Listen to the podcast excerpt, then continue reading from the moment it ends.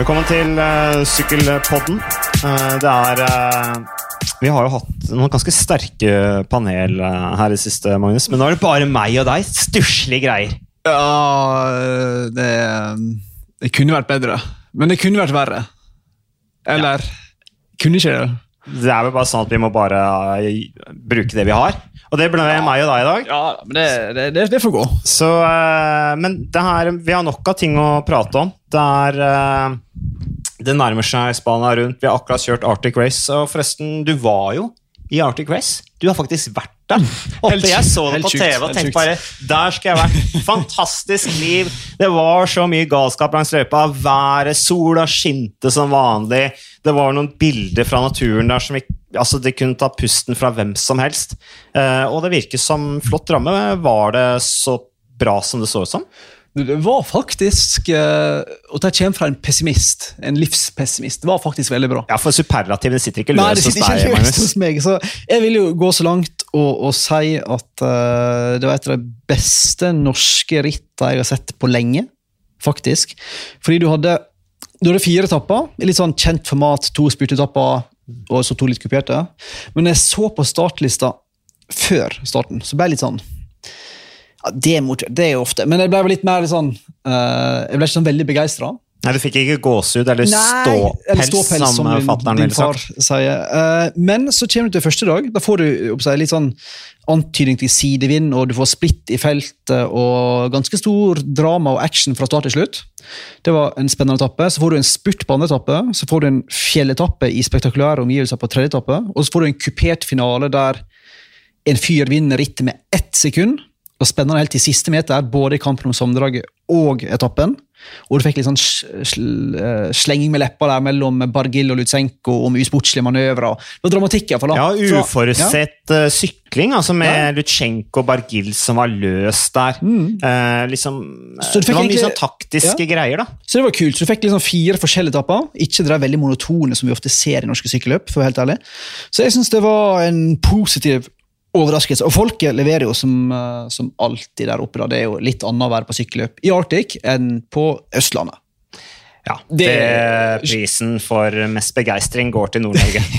Helt klart. absolutt. absolutt. Så vi håper den holder seg utover valget også, uten at vi skal gå inn på politikken. Men uh, Arctic Race også, som ble vunnet av Lutsjenko da foran Bergil, som da kalte Hvem var det han kalte en idiot igjen? Det var Gasparotto som han kalte ja, idiot. Gasparotto, som da er mangeårig tidligere lagkompis av Lutsenko i Astana. Og så er det noe som heter i sykkelsporten Once Astana, always Astana. Jeg vet ikke helt uh, om det stemmer, men de som er glad i konspirasjonsteorier, fikk jo da um, vann på mølla og sa at um, Gasparotto hjalp sin tidligere lagkamerat og nåværende kompis Lutsenko til å vinne med å ikke tette den luka som Lutsenko fikk på oppløpet. enkelt. Ja, og her på Sykkelpodden så er vi ikke bare glad i konspirasjonsteorier, vi dyrker dem. så den der altså, der var det helt klart noe uh, mafia. Så, men ellers så var det ganske bra norsk innsats, uh, Magnus. Uh, igjen, du er jo relativt negativ type, og superlativene som vi snakka om, sitter ikke løst. Men to norske etappeseiere, det veiet vel litt opp for den svake første dagen, hvor en del ryttere fikk passet påskrevet av uh, i hvert fall min far. Ja, din far og, og alle andre og seg sjøl virker som. Det virker som både Du sikter vel til at Team Coop og Team Joker var ikke var med i det 40 manns, nesten 40 manns store brydet som gikk der på etappe 1. Uh, eh, de var jo knallharde med seg sjøl òg. Men det var kult at vi fikk to etappeseiere på slutten. Odd Kristian Eiking, som er Odd Christian Eiking, ja. som er bare helt konge. Eh, ja, på, sin sær, ja, på sin særegne stil så er han bare helt eh, konge. og eh, Det er jo kult at han fikk en seier i år òg. Uh, Markus Holgaard tror jeg mangler unna en seier lenge, så det var gøy. Så, og Sindre Lunke var godt oppe i sammendraget. Begynner å ligne på den rytteren vi veit han kan være. Uh, ikke veldig imponert over Joker. Det tror jeg òg de er helt enig i, uh, så jeg tror ikke det er så veldig kontroversielt. men To etappeseiere av fire mulige. Det er ikke hverdagskost at norske ryttere vinner to HC-ritt, som Arctic Race er. da. Jeg synes det, også, det må vi sette pris på. Ja, og jeg syns også at vi på en måte så nå at Uno X har også utvikla seg. Eh, og at de er på en måte på, de, de, bygges opp da, gradvis. Mm. Eh, Den seieren til Holgaard var flott, eh, og det er på en måte der de skal være, tenker jeg. Med, med de ambisjonene de har nå, at de begynner å vinne den type ritt da, på det nivået. Ja, og det er uten Andreas Leknesund, det er uten Tobias Foss som sykler i Laveni, du har en hel kontingent i Tsjekkia rundt, så du har sånn tre program samtidig. Da. Så det viser jo eh, styrke i stallen. Og det ternekast. Får vi ternekast på hele helhetsinntrykket? På Arctic Race 2019. Ja. Mm, litt bedre startliste, så har du vært oppe og nikke på um, toppkarakter. Skal vi gi en sånn femmer, da? Ja, bra det, altså. Ja. Det er bra. Såpass, ja. ja men det er bra, Magnus. Ellers, eh, nå er det jo eh, Vi skal jo sende Spania rundt. Nå ta, vi, er, vi er jo kollegaer, vi, vi jobber jo sammen, Magnus. Men skal du kommentere Spania rundt, eller skal du bare være reporter? For du skal jo ned de første dagene. Vi har en sånn kreativ løsning. Så litt reporter der, og så skal vel påske bort ei uke. Så da skal jeg og du holde fortet. Ja, det blir jo knallgøy. Det blir gøy. Så vi drar ned til uh, pensjonistparadiset Torrevieja. Torvika. Ja, nede i Sør-Spania, der alle med høyrevridningen i politikken Alle FrP-pensjonistene eh, byr. Der er lagtempo på førstkommende Men lørdag. integrere seg, det skal de i hvert fall ikke. De skal spise kjøttkaker og ja. Joikaboller. Eh, så det kan bli et interessant bekjentskap. Men jeg vil jo si at Alicante altså det er jo i Alicante-området. Alicante har fått litt sånn, sånn charter, harry eh, på seg. Alicante, faktisk overraskende koselig plass å være.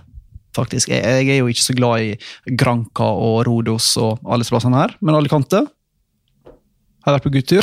Det var, det var over, over eh, forventningene, faktisk. ja, men det er, det er noen perler Så lenge du styrer unna disse Spania. pensjonistene, så går det fint. Ja, nei, og jeg støtter deg på det med Altså, Gran Canaria er jo en, en, en perle av en øy, men eh, jeg skjønner litt hva du mener. Eh, men eh, ja, altså 24. august eh, til 5.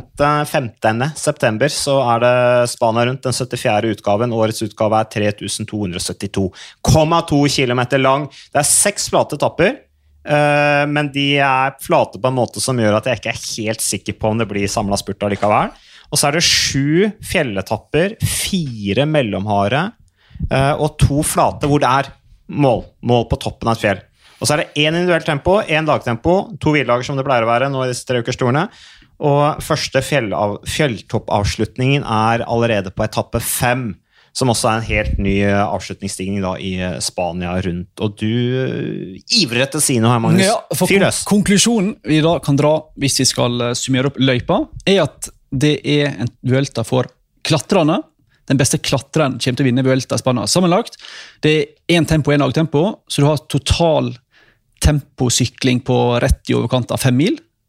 Minner veldig masse om Tour de France i år, og der også var det jo en Tour de France for klatrerne. Så det er liksom uh, Det er ikke tempokongene som har sin uh, forse her. Nei, jeg eh, snakket jo for øvrig med Rasmus Tiller i går. Jeg inviterte han spille på podkasten, men han, Han sa nei. han skal være borte i tre ikke sant, lenge nå. og sa at jeg, Som en gentleman er, så skulle han ta seg av dama. Det støtta han veldig på. det synes han skulle gjøre. Men han sa Han var jo litt sånn betenkt på tanke på at han vet jo at Spania rundt er kupert. Ja. Så, eh, men jeg sa det går bra, Rasmus. sa jeg. Altså, går går nå har ikke jeg vært på innsida av Dimension Data-bussen når det laget ble tatt ut, men han fikk vel beskjed, om ikke det er helt feil, eh, for et par uker siden kanskje, om han skulle sykle Vuelta i Spania. Ja, under EM, sa han. Ja, ja to-tre uker siden. Han er tidlig i 20-åra, han er er førsteårsproff. Vuelta i Spania er beinhardt, og han sliter med en kneskade. Jeg bare stiller spørsmålet hvor uh, Det blir interessant å se hvordan det går. Er du enig? Jo, jeg er enig i det, Maus. Så vi får bare håpe at det går bra, uh, og at han kommer gjennom. Uh, og han var jo Rasmus Stille var jo eh, kjempekeen på å komme gjennom og få, altså få den matchingen på slutten av sesongen. Er gull med tanke på neste år. Absolutt. Da drar han det med seg på en måte inn i oppkjøringen i, til 2020. Og jeg husker jo selv når jeg kjørte Spania rundt, hvor ekstremt god form han er. Eh, Når man bare får henta seg. Du flyr jo på trening, eh, og du får jo så mye energi. Du er jo selvfølgelig nesten død den siste uka, men, Jo, men Det så du jo med, med Amund Grønner Jansen og Kristian Eiking nettopp i Arctic Race. Begge kom ut av Tour de France i kanonform. Og Stephen Cummings, og Stephen Cummings ikke minst. skulle ikke skjelnes til for å bli i bedre form der. Men eh, jeg har bare litt sånn, jeg bare håper at Dimension 8 vet hva de er på. Det er de sikkert. De har jo mer innsikt i, i lagsammensetning og trening enn hva vi har. Ellers kan vi jo nevne Men vi, får, kan si en gang, vi har jo tre nordmenn. da, sant? Ja. Det er da Rasmus Fossum, tidligere Edvard Bosen Hagen, Dimension Data, Mm. pluss da Carl Fredrik Hagen for Lotto Sodal. Som skal jakte på den første norske etappeseieren i Vueltaen siden 2010. 13. 13. Ok, her har vi to forskjellige. Ja, nå skal vi sjekke det med en gang, eh, Magnus. Altså Edvald, 32 år gammel, deltar for første gang Ja, det er riktig. Du har rett. Beklager. Det er Edvald, nå blander jeg her. Det er Edvald som deltar for første gang siden 2013. Da sykla han jo Team Sky. Og det året så var han seks ganger topp ti, og så ble han to på to etapper. Så det var ganske var bra, men på de to etappene hvor han ble nummer to På den ene etappen så ble han slått av Gilbert, og på den andre etappen ble han slått av Bauke Molema. Så det var ganske tøffe etapper. Så, øh, og fem dager senere så deltok da Edvald øh, i VM i Firenze, som ble vunnet av Rui Costa. Der ble Edvald nummer 20, og Lars Petter ble nummer 12. Så det kan jo bli spennende å se på Edvald nå om dette her er en bra oppkjøring til, til VM i Yorkshire. Dessverre for han så kan vi melde heldigvis for oss at det er et uvanlig godt spurtfelt i Vueltaen. Det må vi kunne påstå. Det har vært sånn i Vueltaen siste år at de har hevet inn flere og flere bakker Forrige for å gjøre ritt- rittet mer og mer spektakulært, mer og mer ekstremt til enkeltes fortvilelse, og det har gjort ofte at det er få spurtere på start. Så hvis du er en god spurter stiller opp, så får du fort fire-fem etappeseire i, i kofferten, type Matteo Trentin og Elia Biviane siste åra. Men i år har vi altså Fabio Jacobsen, stortalentet nederlandsmester. Vi har Fernando Gaviria, som er på vei tilbake etter en eh, lang kneskade. Vi har Sam Bennett, kanskje Han tror jeg kommer til å Kanskje vinne raskeste spurten for øyeblikket. Ja. Vi har en Luka Meskic som er i kanonform, og du har eh, Edvard Boasen Hagen, selvfølgelig.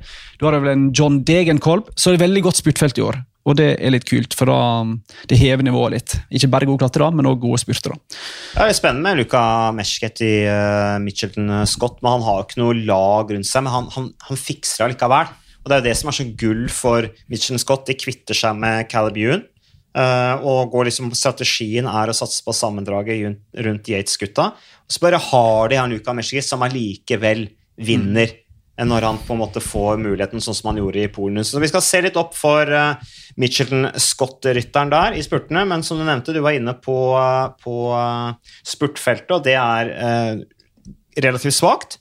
Eh, Ja, jeg synes det er ganske bra å være Vuelta, da. Ja, men og så har du, du, du har Max Walscheid, uh, Nikias Mm. Arnt er jo også brukbare spurtere. Uh, ja, ja. Nei, vi kan Ok. Vi Til godt, Vuelta syns jeg det er bra.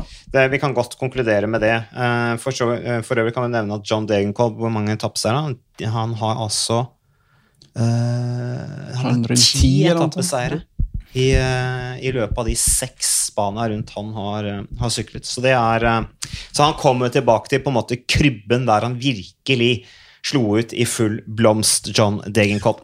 Så ellers eh, samla favorittene, har du noen eh, spesielle du vil eh, trekke fram? Ja, det, det kan legge merke til først og fremst, er jo, hvis de kaller en spade for en spade, så er det skuffende sammenlagt rytterfelt i årets Vuelta i Spania. Ok, Så du mener det er et bra spurtfelt, men et Ja, dårlig du har ingen Froome, du har ingen Thomas, du har ingen Bernal, du har ingen Sivakov, du har ingen Dumoulin, du har ingen Nibali, du har ingen Henrik Maas, du har ingen Simon Yates, ingen Adam Yates. Men, altså Det er første gang siden 2013 at du stiller uten en Tour de France-vinner på startstreken. Men det kule da er at du får et litt sånt vakuum der veldig mange plutselig kan kjempe om seieren. Vi så litt det samme i 2015, da Fabio Aro og Tom Dumoulin holdt på å krige. Det var utrolig underholdende. Og du har likevel du har selvfølgelig en Richard Carapaz, du har en Quintana, du har en Valverde, du har en Krausveik, du har en Roglic, du har en Supermann Lopez, du har Esteban Chávez, du har nevnt Aro, du har Maika, du har Gagan Hart. Så jeg tror det blir ganske åpent ritt. da. Jeg har, jeg har på en måte ikke tenkt den tanken i det hele tatt. Nei, Magnus, nå kommer den der negative, litt sånn dystre der fram igjen. Du, med en gang du ser Ok, det er dårlig Nå var det jo positivt på spurternes vegne. Ja. Selv om det er ikke noe spurtritt, for det er altfor mye motbakker, så de kommer til å dette uansett. Men i hvert fall sammendraget, så tenker jeg at her er det mye snacks. Du har jo nevnt, eh, du har jo nevnt allerede mange av de, men se på Team Jumbo Visma, da. Med George Bennett, de har Steven Kreuzweig, de har Primus Primoz Roglic. Alle de der tre gutta der, og så har de da i tillegg da til å hjelpe de Robert Hessink, eh, Lennart Hofstede, Sepp Kuss, som også er en god klatrer, og Nelson Paules, som også er en spennende rytter med tanke på, på fremtidig utvikling. Det er jo tre lag som går all in. Jumbo Visma går all in, som du sier. Astana sender Luis Leon Sanchez, Jakob Folsang, Omar Freile, Isagire ganger to, pluss Supermann Lopez. Det er All-Star-lag. Movistar. Kommer til å drite seg ut som vanlig med å sende Alejandro Valverde, Nairo Quintana og Richard Carapaz. Problemet der er jo at Carapaz skal til Team Ineos, så han har ingen lojalitet i laget lenger. Quintana skal til Arkea Samsik, har ingen lojalitet i laget lenger, og har blitt hermetegn straffa med å ikke få med seg verken Anacona eller Betancourt eller noen andre colombianere. Og så er du stuck med en Valverde på 39, som fortsatt er en veldig god syklist. Mm, Men du går altså da i og med at Tour de France ble en så heidundrende suksess med det der trehoda uh, laget der, så gjør de akkurat samme da i Vueltaen. Jeg begynner egentlig å lure på hva som rører seg i topplokka på um, sportsdirektørene i, i Movistar. Men, men Det skal bli er- spennende å se, om de slipper i hvert fall Landa, da. Som Ja, beste rytteren, er eh, Han er best, ok, Det er greit, du syns kanskje han er beste rytteren, men han er jo også den mest løse kanonen av de Det er alle. helt sant, det er helt sant. Etter min mening. Uh, Karapaz skal bli spennende. Nå nå blir det bare spennende å se hvordan de, hvordan de gjør det. Uh, kan jo da kjapt Karapaz tror jeg kan vinne. Jeg tror han vinner hele greia. Du tror det? Han Ja. ble, hva ble han ble? To eller tre nå i Velta Burgos? Ja, nå er tre Burgos, vant Giroen for de som ikke husker det. Så han tror jeg kommer til å digge den løypa. Det blir spennende å se. Valverde har altså 11 etappeseiere. Han har kjørt Spania rundt 13 ganger tidligere. Alejandro Valverde, den regjerende verdensmester, som skal bli spennende å se, og som kommer ut av eh, Spania rundt. Det er i det hele tatt masse å følge med på. Eh, er det noe Du rekker opp hånda. Da kan du få lov til å si noe, Magnus. Tusen takk. Jeg vil òg eh, slå et slag, selv om jeg syns samlet rytterfeltet var litt under mm, sedvanlig standard, så er unggutter-kategorien meget sterk. Her kommer det til å være mange som slår gjennom. Vi har en Igita på EF som kommer til å bli åpenbaring for mange. Kanongo i, i California og Polen eh, nå eh, siste tre-fire månedene. Eh, han kan bli livsfarlig. Du har en Tadej Pogacar i UAE, som kanskje er verdens største sammenlagt talent fra 20 år og under. kanskje. Ja, feltets Eller yngste ja. faktisk. ja, ekstremt lovende. Du har en Sepp Kuss som nevnte, som sleit med hamstringskade tidligere i år. Han er visstnok på gangen i Jumbo Visma. Du har en Per Latour som er tilbake etter å ha mista hele første halvdel av sesongen med bruddskade i armen. Du har Mark Padun, som jeg er svak for, i Barral Merida. Du har Amanuel Gebrey Savier, god klatrer i Dimension Data. Han kjørte bra i, eh, i eh, Burgos. Veldig bra. Du har en Dani Martinez som er tilbake fra skade. som er klippet av Tour de France. Han er tilbake igjen til Vuelta for EF Education. Du har Theo Gagan i Ineos, kan fort bli topp fem, kanskje. Mm, veldig Sammenlagt. spennende rytter. Altså. Du har en Oscar Rodriguez i Euskadi Murias, og du har en Aramburu i Cajaroral. Så du har ganske mange unge ryttere som fort kan få sitt store gjennombrudd. Og det syns vi som er litt sånn um, over gjennomsnittet interesserte, er alltid gøy å følge med på. Hva, hva tenker du med Team Inios? Tror du at de stiller eller kjører bare for å utvikle Theo Gogenhardt og bare Ok, David De La Cruz, du får bare se hva du får til, liksom. Men at de tenker kanskje mest på utviklingen til Edward Dunbar og Theo Kigogen, Theo Kigogen Hart? Gagan tror jeg han sier. Ok. Diego Rosa er jo Han står på lagoppstillinga, ser jeg, men uh, i hvert fall den lagoppstillingen jeg har. Men det er mulig Det, er jo, det kan jo skje endringer. Det er jo Mm, enda noen dager igjen. Ja, nei, For han har jo ikke fått inn noen ting i oss Overhodet ikke. Og Han er rykta vekk. Og jeg, jeg tror flere av oss hadde forventa å se Ivan Sosa. Eller håpt å se Ivan Sosa på den startlista. Vant Burgos igjen i år. Supertalent, som eh, så mange andre fra den verdensdelen uh, Sør-Amerika om dagen. Han stiller ikke, så jeg tror eh, tanken her For Sivakov ble det for masse med to Grand Tours på ett år. Så ideen er vel at Theo Gegenhardt for første gang skal få prøve å se hva han kan få til i uh, sammendraget. Han tatt store steg i år, så det kan bli spennende. Og Dunbar har jo selvfølgelig muligheten til å ta en etappeseier i, på en av de mange fjelletappene. Dunbar kjørte jo også giroen. Ble jo kastet inn i siste liten der. Ble to på en etappe i eh, Giro Italia. Iren Dunbar i Team Ineos. Nei, det blir spennende å se. Er det, skal vi se, er det noe mer vi skal legge til rundt uh, giroen da, Magnus, når vi først er uh, inne på det? Vi har nevnt dette med tre nordmenn. Uh, Carl Fredrik Hagen blir jo spennende. Han kjører Vi kan si litt først om, eh, om laget. Du, du sa det jo så vidt, men det er jo Lotto Sodal er jo et lag som også kommer dit uten sammenlagt kaptein. Uten spurter. Så det er bare sånn Ok, kara. Angrepsfest. Vi tar hver dag som det kommer. Dere kan få frie kort til å kjøre som dere vil. Jeg har litt inntrykk av at jeg tenker at det er litt sånn de kommer til å kjøre. Ja, det virker sånn. Og så har jo Karl Fredrik eh, ymta fram på at han har lyst til å se hva som er mulig å få til i et sammendrag. Det er spennende eh, på en første Grand Tour. Eh, god form, Mm. sies det. Så det blir spennende. Og så skal vel da Rasmus skal vel egentlig bare komme seg gjennom. Og Fossum tidligere, altså. Og Edvard Bohusnagen skal vel eh, bli meldt om å være i god form, og har jo da mange muligheter på disse halvkuperte etappene det florerer av i Spania. Så Ja, det hadde vært gøy da om Edvald fikk en bra avslutning på sesongen nå, og kom ut av Spania rundt i bra form og fikk et bra VM. Det hadde vært eh, kjempegøy, så vi heier på, på Edvald. Ellers eh, kan du nevne Jelle Valais, Lotto Sodal kjører, jo. det var han samme mannen som eh, slo Sven-Erik Bystrøm på etappen i Spania rundt i fjor, hvor Bystrøm ble nummer to. Så da tenker jeg at vi kanskje har sagt det vi skal si om eh, Spania rundt, eh, Magnus. Hvis ikke du ja, jeg tenker jo det som er kult med, med Vueltaen, hvis vi skal selge det inn nå. Eller ikke for å selge inn heller, bare sånn generelt. Det som faktisk er kult med Vueltaen, er at du får um, gjennom historien helt tilbake til første utgave på midten av 30-tallet, så har du fått veldig mange overraskende vinnere. Veldig mange rare vinnere. Altså, den første vinneren av Vuelta han heter Gustaf Delors og fra Belgia. Eh, han vant de første to utgangene, faktisk. 1937 Han fikk Nei, karriere... 35, mener jeg. Unnskyld. 35 og 36. Han fikk karrieren avbrutt av at han måtte i konsentrasjonsleir under krigen. Slapp å ta de verste oppgavene der og havna på kjøkkenet fordi en tysk offiser kjente han igjen og likte sykkel. Uh, Flytta til USA og var med å sende Apollon 11 til månen. Uh, du har eh, en uh, Angel Cassé Det er en fantastisk ja, ja, det historie, er Marius. mange gode historier. Så Om Gustav Delors, altså. ja, så Aitor Gonzales, Angel Casero, veldig mange sånne her, heter det, obskure ryttere som plutselig dukker opp og vinner Vueltaen sammenlagt. Du hadde Giovanni Battalin fra ei litt eldre, som vant i 81. Tre dager etterpå begynte han giroen og vant den òg. Ganske utrolig historie. Ja, det var da var den gang Spania rundt gikk i april. ja, og det var den gangen også Vuelta ikke hadde hviledager. Så han vant altså to Grand Tourer med tre dagers mellomrad, mellom tre dagers mellomrom. Han vant to på rad, det ble mange ord her. Det er respekt, altså. Ja, og så har du jo Vi har jo um, Marino Lajaretta hadde jo også noen sånne triple på den tida. Ja, han vant han, han vant jo i 82. Sven Åke Nilsson, svensken, ble med tre. Jo, men Lajaretta vant jo òg. Det var det året David Arroyo Angel, unnskyld, faren til David Arroyo. Angel Arroyo, Han vant i 82, og så ble han diska pga. doping. Fikk tidsstraff på ti minutter, hvis jeg ikke husker helt feil. Så fikk Lejareta den i posten. Ok, det var i 82 det året Mm, Det var han vant. 82. Så det er ganske mange sånne spesielle um, Spesielle Ja, det er noen sånne historier der, da. uh, I Spania rundt med Du har jo Roberto Herras også, ikke sant, som uh, ble først fratatt disse seierne, og så fikk han de tilbake.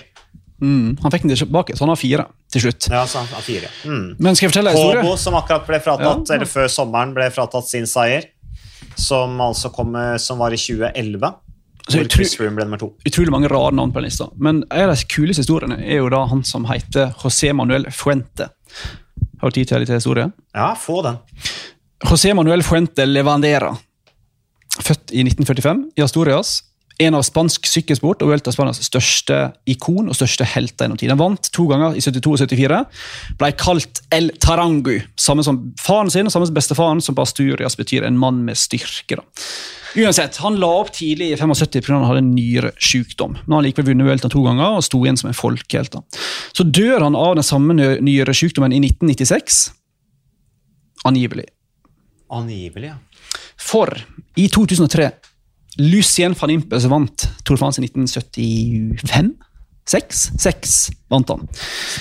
Den oppringt av en som sier han heter José Manuel Fuente, og spør om han vil være med på middag. Så tenker da van Impe, som har en stor klatreutstyr, tenker døde ikke du for sju år siden? Nei, han var i live. Vil du møte meg til middag? Sånn, ok, så han tar med, tar med kjæresten sin og møter Manuel, eh, José Manuel Fuente eh, på en, eh, over en um, Hva det heter Pinchos, altså sånn over uh, tapas. Det må jo ha vært litt sånn nervøs stevne? Jo, så blir det litt rart, sant? og så sier jo en Impe at dau, liksom. ja, møter han Fuente, og så sier han at jeg kunne se i øynene at det var han. Han har fått seg skjegg og lagt på seg litt, men det er jo ikke rart når du har vært eh, pensjonist i 30 år. Så mimrer i gamle dager, mimrer, om mange gamle historier og velter og, og damer og fest og moro. Så går jo Van der for å tenke, han døde jo, så han spør jo er ikke du egentlig død, spør han på slutten av middagen. Det tenker jeg kanskje har vært det første spørsmålet du har spurt om. Men da sier han nei, jeg iscenesatte min egen død pga. at jeg var i økonomisk trøbbel. Tok et bilde sammen, og helt enig at det der er Fuente, som visstnok har vært død i nesten ti år. Men van Impe er jo redd for å virke gal, så han forteller ikke historien til noen på 16 år. Før i 2019. Fordi en forfatteren av sjølbiografien hans Han skriver livet til Sa du 2019? Ja. Først Mm, nå forteller han om det. Fordi forfatt, altså, Van Impe skulle få en selvbiografi, og forfatteren begynte å nøste opp i dette. her. da. Hvordan kan en av Spanias største idrettshelter ha iscenesatt sin egen død? Uh, han, begynte, han kom til basen til Benidorm, nøste opp det. Han fant en dame som heter Lola, som forteller da at det der er ekskjæresten min. Han heter ikke José Manuel Fuente, han heter Victor.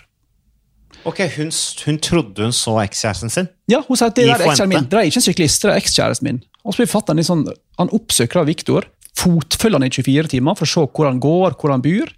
Så konfronterer han ham til slutt.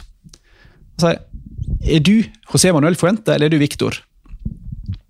Victor, som han sannsynligvis heter, da, sier at nei, jeg er Fuente, og begynte begynt å legge det ut på nytt om alle mulige historier fra da han lada opp til Vueltaen i 72, og da han krasjet Tour i 73 og alt sånt. Så sier forfatteren du er en løgner, du beriker deg på en død manns rykte. Victor nekter for det til den dag i dag, så ingen veit da om José Manuel Fuente faktisk er, er død eller ikke. Men konklusjonen til forfatteren er jo at her er bare en, en svindler. Okay, en som. En som faktisk bare går rundt og later som at han er det. Og han har tydeligvis lært seg alle mulige historier for å kunne gjenfortelle til folk, og på en måte gjøre seg interessant på en merkelig måte. Poenget at her er i Benidorm, så kanskje, hvis vi får tid når vi drar ned dit senere i veka, får vi kanskje ta turen til Benidorm og prøve å finne en som heter Victor, Dette må og du følge opp, nøste Magnus. opp i det. Dette er en fantastisk historie. Og hvis, hvis det er tilfelle at Fuente ikke er død, Mm. han bare spilte sin egen død for å slippe unna gjeld, så er jo det et kjempetriks for dagens mange gjeldsofre. Det tror jeg mange ser. For det er jo enormt med forbruksgjeld der ute nå. Så det kan jo være en måte Jo, å det vanlig. slippe unna. Michael Schofield gjorde det samme i Prison Break i sin tid. Tupac uh, sier man jo Ja, noe- Elvis. Elvis, ja. Det er mange der ute som man lurer på om egentlig er i, i live. Det, men det var eh, dagens flotteste historie. Altså, Magnus. Det var glimrende. Vi ser fram til uh, To be continued når du reiser ned der med alt etterforskningsmaterialet ditt, og du, du begynner å jage Viktor. Det blir helt topp. Så gå i gaten og rope, Blå, rope om. Edvald vinner etapper og sånn, det er vi ikke så opptatt av. Men Viktor, hva skjer med han? Så det er poenget at Vøltan har en del sånne karakterer som er, og historier som er ganske ekstreme, og derfor er det ganske artig ritt på veldig mange forskjellige måter. Så det gleder vi oss til. Eh, ellers eh, kan vi nevne, apropos de som er døde og tidligere helter, eh, Tour Lavenir, for å snakke om noe helt annet. Det er jo Fremtiden som er og sykler der nå i Tour Lavenir. Det avsluttes 24 5. august, ja. Ti etapper langt. Eh, Tobias Foss, Idar Andersen, Tore Sleen, Martin Urianstad, Ludvig Holstad og Søren Wernskjold som representerer Norge der. Søren Wernskjold har eh, stått av, dessverre, men eh, Tobias Foss er jo der oppe og har jo hatt ledertrøya. Skal bli spennende å se hvordan den fremtidige Jumbo Visma-rytteren gjør det i det viktige Nations Cup-rittet. Ellers begynner post Nord Danmark. Skal jo begynne jo da altså 21. august. Der må vi også følge med. Der er det mange nordmenn som eh, er med. Der er både Uh, UnoX stiller der med Skjerping, Abrahamsen, Holgård, Ressel, Træn og Skårseth. Og så er også uh, Joker Fuel of Norway til stede i, eh, i Danmark rundt, med Bjørn Tore Hoem, Daniel Årnes, Fridtjof Røynes, Christian Klever, Herman Dahl og Ole Forfang. Av, eh, det er flere nordmenn der også, i Post Danmark, Post Nord Danmark rundt. Amund Grøndal Jansen kjører også med Jumbo Visma. Så det er eh, ritt som vi skal følge med på. Og så er det jo Ladies Tour of Norway som er rett rundt hjørnet. Det er vel kanskje det, det kvalitativt beste feltet sånn eh, relativt sett, da, eh, på norsk jord. Eh, Der er det alle de store internasjonale damelagene med ført an av Marianne Foss. Og så er det selvfølgelig sterk eh, deltakelse, norsk deltakelse med eget norsk landslag. Du har Stine Borgli, som er kaptein i FDJ Novelle Aquatine Fytroskop. Eh, og så er ikke minst Susanne Andersen Var du ikke, Nei, var ikke fornøyd Det var- med fransken din, eller? Jeg dro på litt der. Ja, jeg, likte, jeg hørte det. det. Og så er det Susanne Andersen da, som kjører, er kaptein i Team Sunweb. De var jo der i fjor, Magnus, så det skal bli spennende å Mm. følge det dessverre fra sidelinjen. Så um, Men det har jo, som du sier, det har jo liksom alltid vært ekstremt dyktige på å få verdenseliten. I, rikt, i, i, altså i ordets riktige forstand. Da. Altså, vi har selvfølgelig litt av verdenseliten i Arctic Race og Tour of Norway, men det er jo, la oss være ærlige, det er gode lag, men ofte eh, B-lagsryttere. Men Lady Store får jo på en måte alltid liksom hele bøtteballetten på start. Mm. Det er gøy. Og så er det jo litt sånn, eh, Du nevner jo Susanne Andersen og Stine Borgli. Vi har vel fått fem plasser til VM for damene, så det er ganske bra. Det illustrerer jo egentlig godt at det er litt framgang der eh, etter to meget tunge år i 2017 og 2018 i hvert fall. For norsk Jeg syns uh, norsk damesykling har tatt seg opp i år. Absolutt. Så det er uh, veldig gøy, eh, med Vita Heines bl.a. fjerdeplass i EM på tempo, for å nevne en av mange gode Mm. eksempler. Ellers, uh, overgangsmarkedet er jo litt spennende nå. Jeg syns vi skal snakke litt om det. eh, Magnus, jeg har jo sendt deg litt sånn notater til i dag, eh, og så har jeg satt hot Hotte overganger, og du, får kanskje, du blir kanskje litt sånn oppgitt over meg når van Poppel-brødrene står ned som hotte overganger, men altså Da har du en lav terskel for det du Jeg mener at det er veldig hot overgang, da. At van Poppel-brødrene, som da skal eh, Begge de to skal da til, eh, til Vanti Grop, og blir da lagkamerater med Odd Christian Eiking. Så eh, det blir spennende. Ellers eh, hotteste overgangene. Philip Gilbert, 37 år gammel, har signert treårskontrakt med Lotto Sodal. Da får han tre nye sjanser til å vinne det der siste femte monumentet, som er Milano Sanremo. Som nylig avdøde Felice Gemoni, så mangler han én for å fullføre settet på fem monument. Har tre år til, altså han er 37 år nå. Eh, for så vidt en fornuftig deal fra Lotto Sudal sitt synspunkt på den måten at Filbert, nei, Filbert, sier jeg, Phil Gilbert er jo langt unna ferdigsykler. Ja, Han vant jo Paris-Roubaix. Ja, også, mener, altså, Han har masse å gi fortsatt, men jeg stusser jo på taktikken generelt når du, når du slipper Tish Benot. Mm. Kanonrytter i klassikere og uh, sammenlagt uh, etapperitt òg. Du slipper Viktor Kampenert til Dimension Data. Eh, Ja, hva- hva Dimension Data veldig han, veldig usikker på tankegangen til alle involverte parter i den.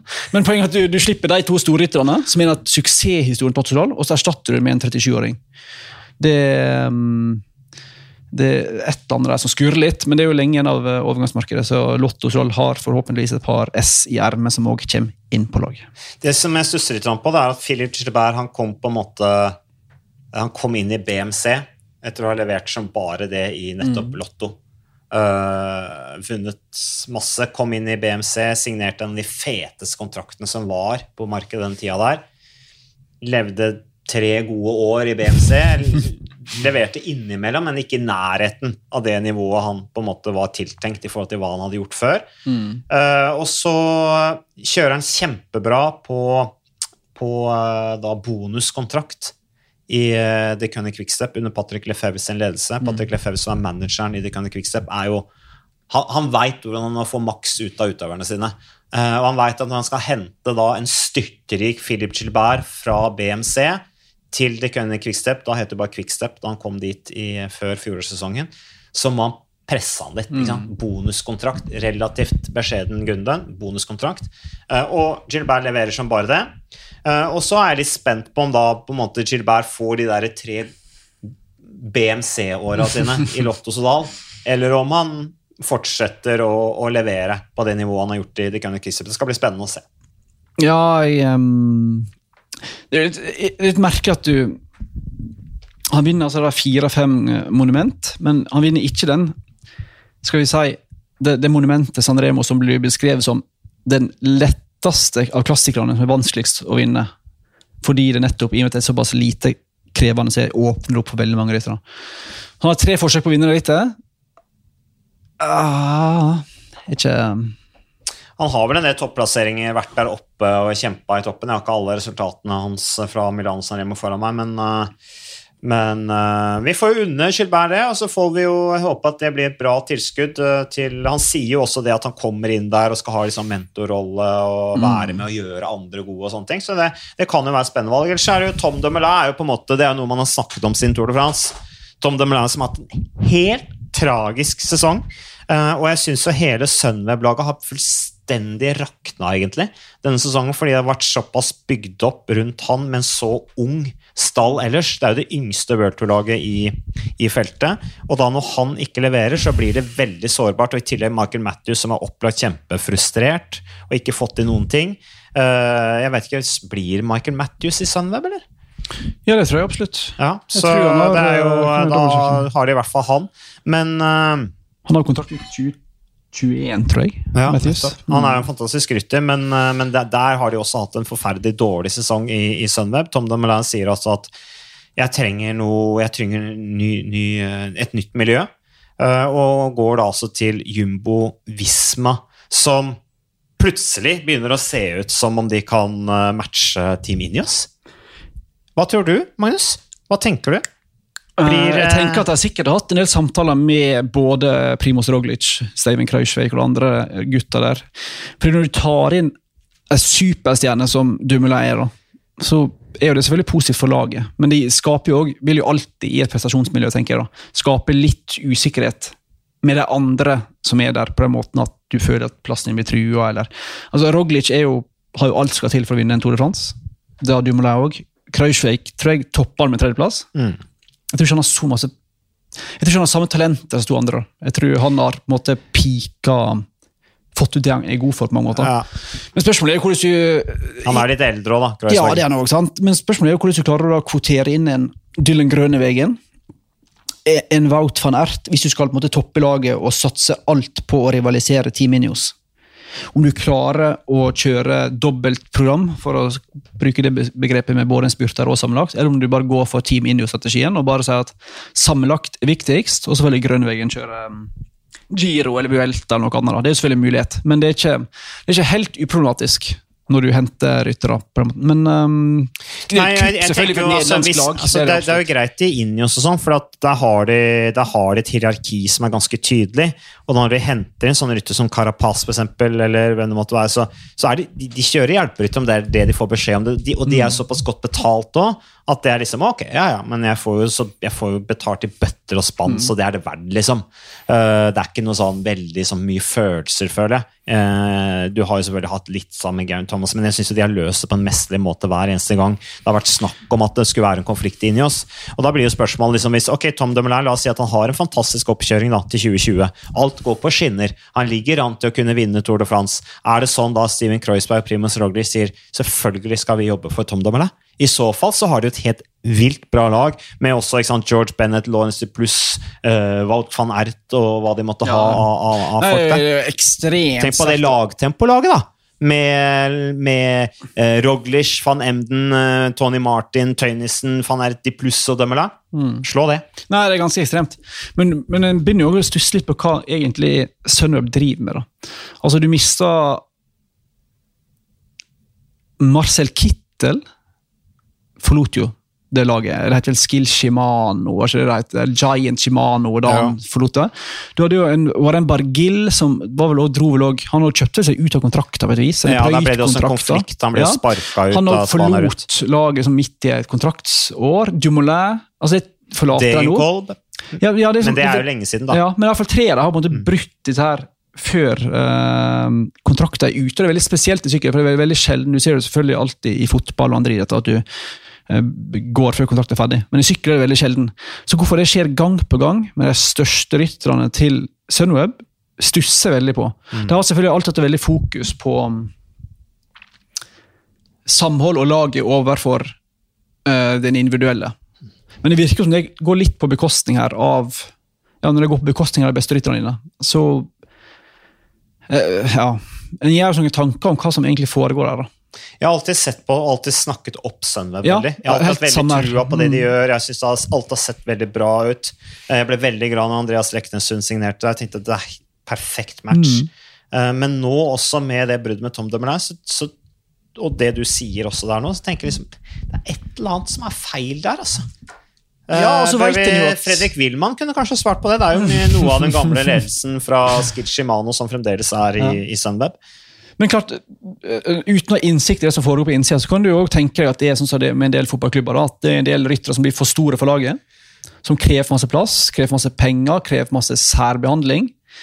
Det er jo ingen hemmelighet at Tom Dumoulin er eh, en, en krevende rytter på den måten at han alltid vil bli best på absolutt alle ting. Og det er ikke nødvendigvis alle miljø som klarer å tilfredsstille alle ønsker til enhver rytter. Så det kan selvfølgelig være det, Og så er han under stort press. Ja. Han er under kjempepress, og da blir han sårbar også, tenker jeg, som person.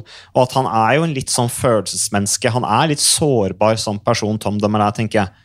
Litt skjør, ikke sant? Han framstår absolutt sånn. Og satser 110 ikke sant? Og så er det noen små ting som går gærent, og så ryker alt når han skal ta opp kampen mot Chris Room og alle disse gutta her. da. Mm. Så må alt være 100% hele tiden, da. Så hvis det er sånn at laget føler at disse her blir for store for laget, type sånn David Beckham i United, og så kvitter seg med han, så tenker jeg det, det er faktisk litt kult. At en faktisk står på at laget er viktigere enn en du og du og du. samt gode dere. er. Men hvis det er bare sånn at de ikke klarer å tilfredsstille de rytterne, så må det jo jeg, gå i seg sjøl. Men utfordringen i Sunweb, eh, Sunweb eh, Magnus, er vel hvis du skal sammenligne med, med, med, med Ineos, da, eller så, så Ineos så har de så mange som er på det som er på øverste nivå der. De har, hvis Tom der kanskje hadde hatt flere rytter som nærmet seg hans nivå, som var på en måte tett opp, så ville det kanskje gjøre hverdagen hans litt bedre. Jeg tror han må bære for mye av ansvaret på sine egne skuldre, og det, det tror jeg også var litt av problemet for Kittel. Det ble for mye av ansvaret over på Kittel, og så blir han veldig sårbar når det går litt gærent. Jeg tror vi skal bygge en, et virkelig sterkt lag eh, på det nivået der, eh, så, så tror jeg at eh, det der å ha At han nå går til Jumbo Visma med så mange gode ryttere, hvor de kan dele på ansvaret, og hvor ikke alt handler om Tom Dumoulin, så tror jeg han vil føle at det er befriende og kanskje kan blomstre litt mer. Det er, Det- det er kanskje bredere prestasjonsmiljø. Flere virkelig gode ryttere som man kan uh, ha samspill med. da. Det er et godt Spare poeng. med. Og så tror jeg også du er inne på det du sa, at det er ikke så mange på samme nivå på Sunweb. Det er jo veldig mange av oss i media, i fall. og jeg vil tippe også Dumoulin sjøl, har jo stilt en del åpenbare spørsmål med rekrutteringa til Sunweb. En har jo ikke evna, av en eller annen grunn, å skaffe Dumoulin adekvat hjelp i fjellene. Han er jo påfallende alene til å være en så god rytter i fjellene i Grand Tour etter Grand Tour etter Grand Tour. Det henter ryttere som ja, Nicholas Roach nå sist. så er det sånn, Ja, han er veldig på vei ja, ned. hva, Altså. hva, var, hva var tanken der? sant? Ja. Istedenfor å hente en del Det er jo òg mange av disse fjell... eh, vidt, som er altså- tilgjengelige, da, Ja. som de ikke henter. Og jeg tror nok han har vært ganske Det sies i hvert fall at han har blitt ganske frustrert over rekrutteringa på det laget. At en ikke bygger sterkt nok lag rundt hjelper han til å vinne Tour de France. Ja, bare tilbake til Roach. Det kan jo ha vært smart å hente Roach. At de trengte en litt eldre kar. La oss si at Tom Deble hadde vært jo, i det Tour de France og kjørt bra, så kunne det vært at Steven Roach eh, Nei, ikke, ikke Steven, men eh, mener Nicholas Roach. Steven Roach. Nicholas Roach, sønnen, hadde faktisk vært en bra mann å ha, men de har jo De står alltid tilbake fra andre lag. de, de har veldig mye talent, Mm. men det er på en måte litt for mye talent. Litt for lite etablerte uh, ryttere med, med erfaring, tenker jeg. Og hvis vi skal ta på oss de eh, berømte og irriterende norske brillene, så syns jeg det er litt dumt han drar fra Sunweb. Du får inn en Andreas Leknessund i 2021, blir vel det? Han skal ett år til på UnoX. Han hadde jo, Tom Dumoulin ville jo på alle mulige måter ha vært et perfekt jeg, forbilde. Et, en, en mann som kan sette et eksempel og vise vei. Det er jo litt samme type ryttere vi snakker om. Mm. Temposterke som er veldig gode klatrere, men som kanskje ikke er fødte klatrere, men som måte vil utvikle seg i samme retning. Da.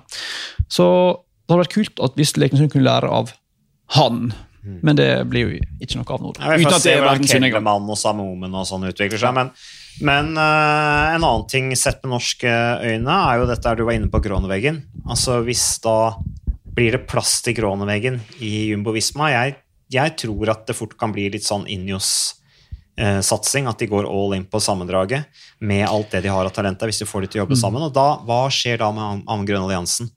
Eh, For han har jo hatt en rolle som har særlig vært og, og rundt Groneveggen, da.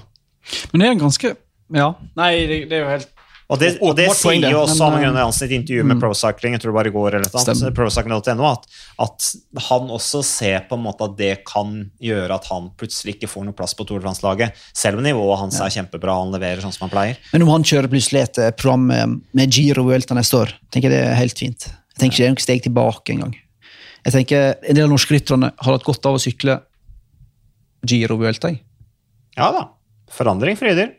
Eh, Så vi får se. Ellers er det jo interessant her å se på telegraf.nl, eh, som altså da beregner nå at eh, Jumbo Visma sitt budsjett blir 20 millioner euro da, neste år, når Tom Demler kommer inn, som er rundt 200 millioner kroner. Eh, Og det er jo for Cirka eksempel- halvparten av Tivi. ja, som er likevel er halvparten av Team Ineos, men det er fremdeles da 30 millioner kroner mer enn f.eks. er Da. Eh, så det blir jo et av de virkelig store lagene. Spørsmålet er liksom sånn, når Tom Dumoulin da plutselig signerer Jumbo Visma, som egentlig ikke var budsjettert, så han skal han sikkert ha ganske godt betalt, om de da må ringe til Øystein Moen, administrerende direktør i Visma her i Norge og si du, vi signerer Tom Dumoulin, kan dere spytte litt ekstra cash? Men det er jo Ja, ja, Ja, selvfølgelig. Han vil vi ha på laget. De fikk jo, eh, har jo fått uh, god verdi for penger, de, da, etter den Tore Fransen, uh, Visma. Men jeg jo, Det er jo sikkert lurt for, for Jumbo Visma som, som, eh, som et selskap, i og med at du satser både på Sven Kramer og Kjelt Naus og alle disse nederlandske skøyteløperne, og òg har den beste nederlandske syklisten. Hmm. Så det er jo et kupp for dem.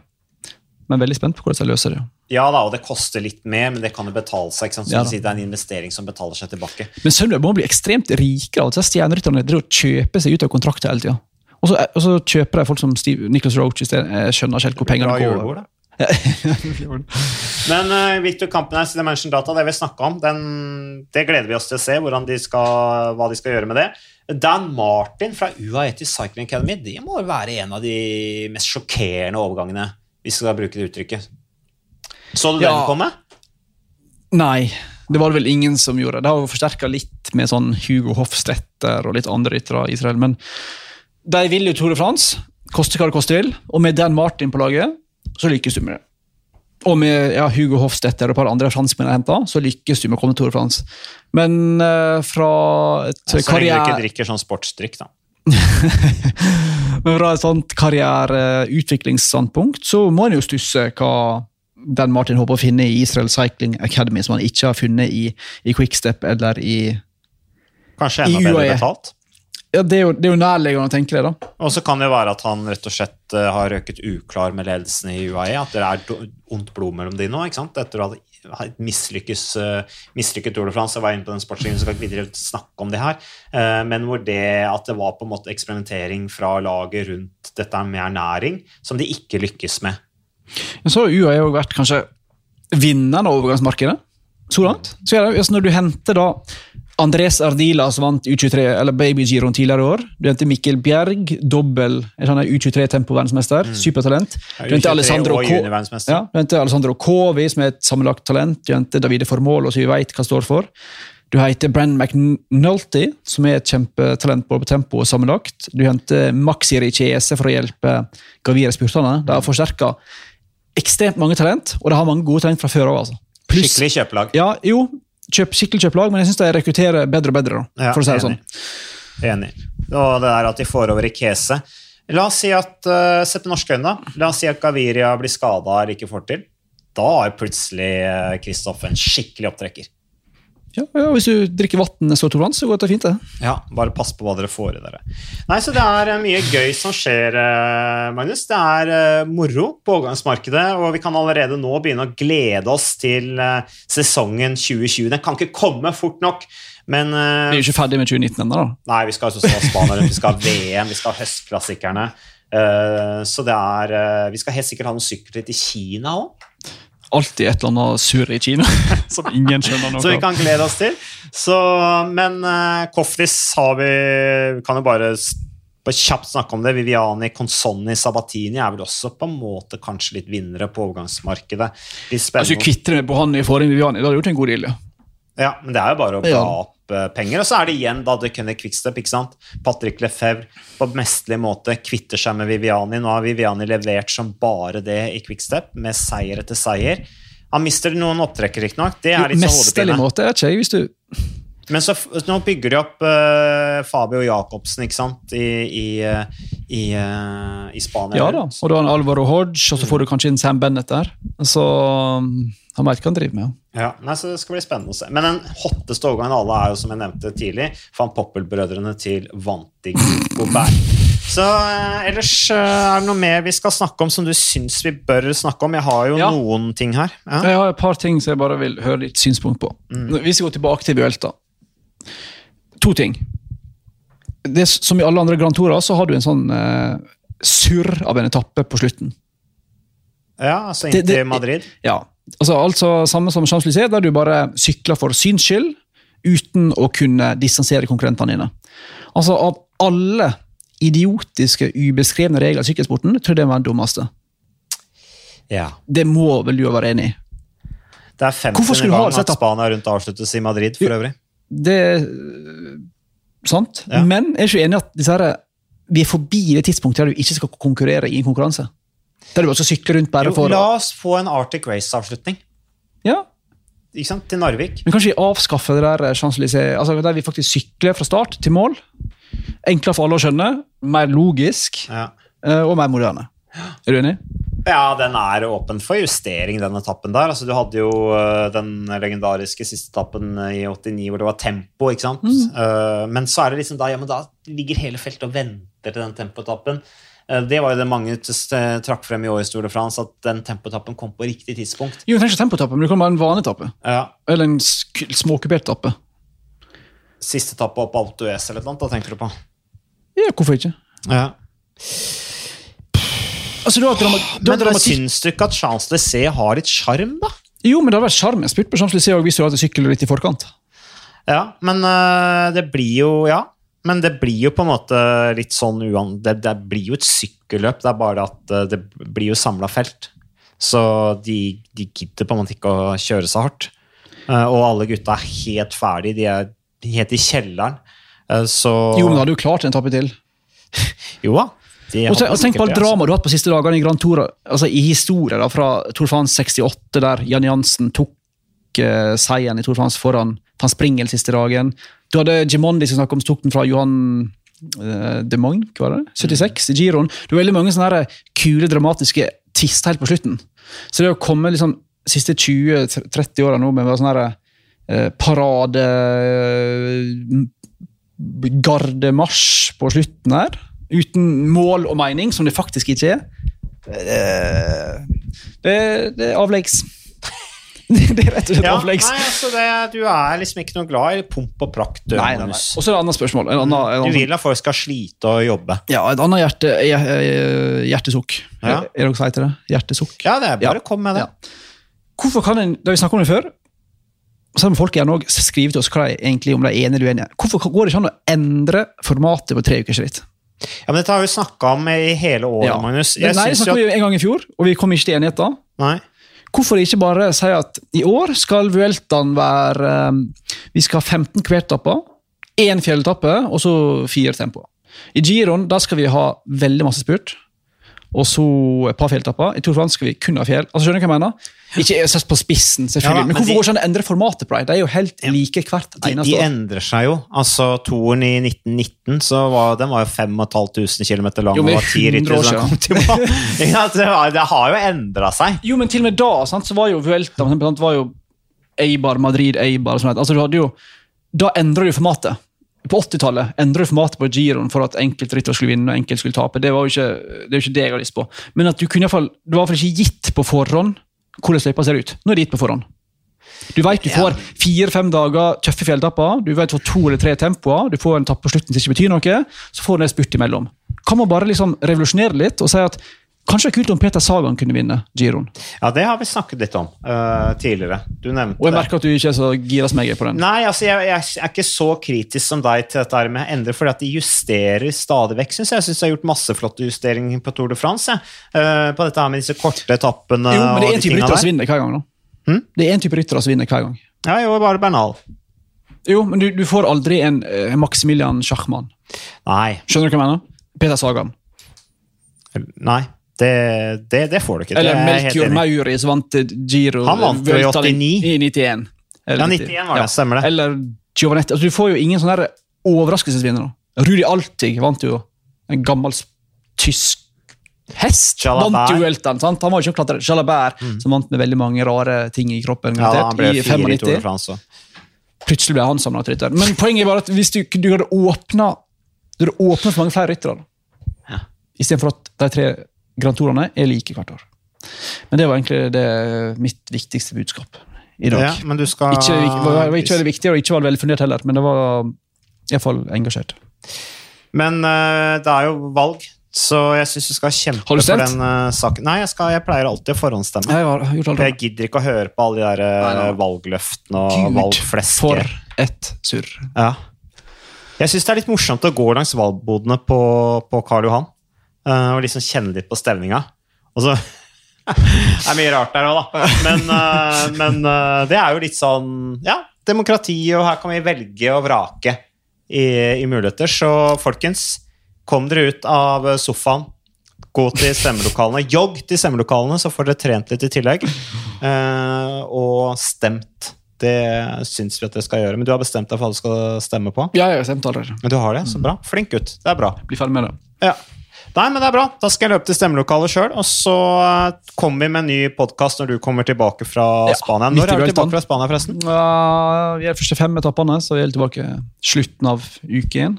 Slutten av uke én, og så skal du kommentere med, Ja, ja. Så vi tar, meg. vi tar en podkast inni der en gang plass. Ja. Det er bra. Takk for oss! Hasta la vista.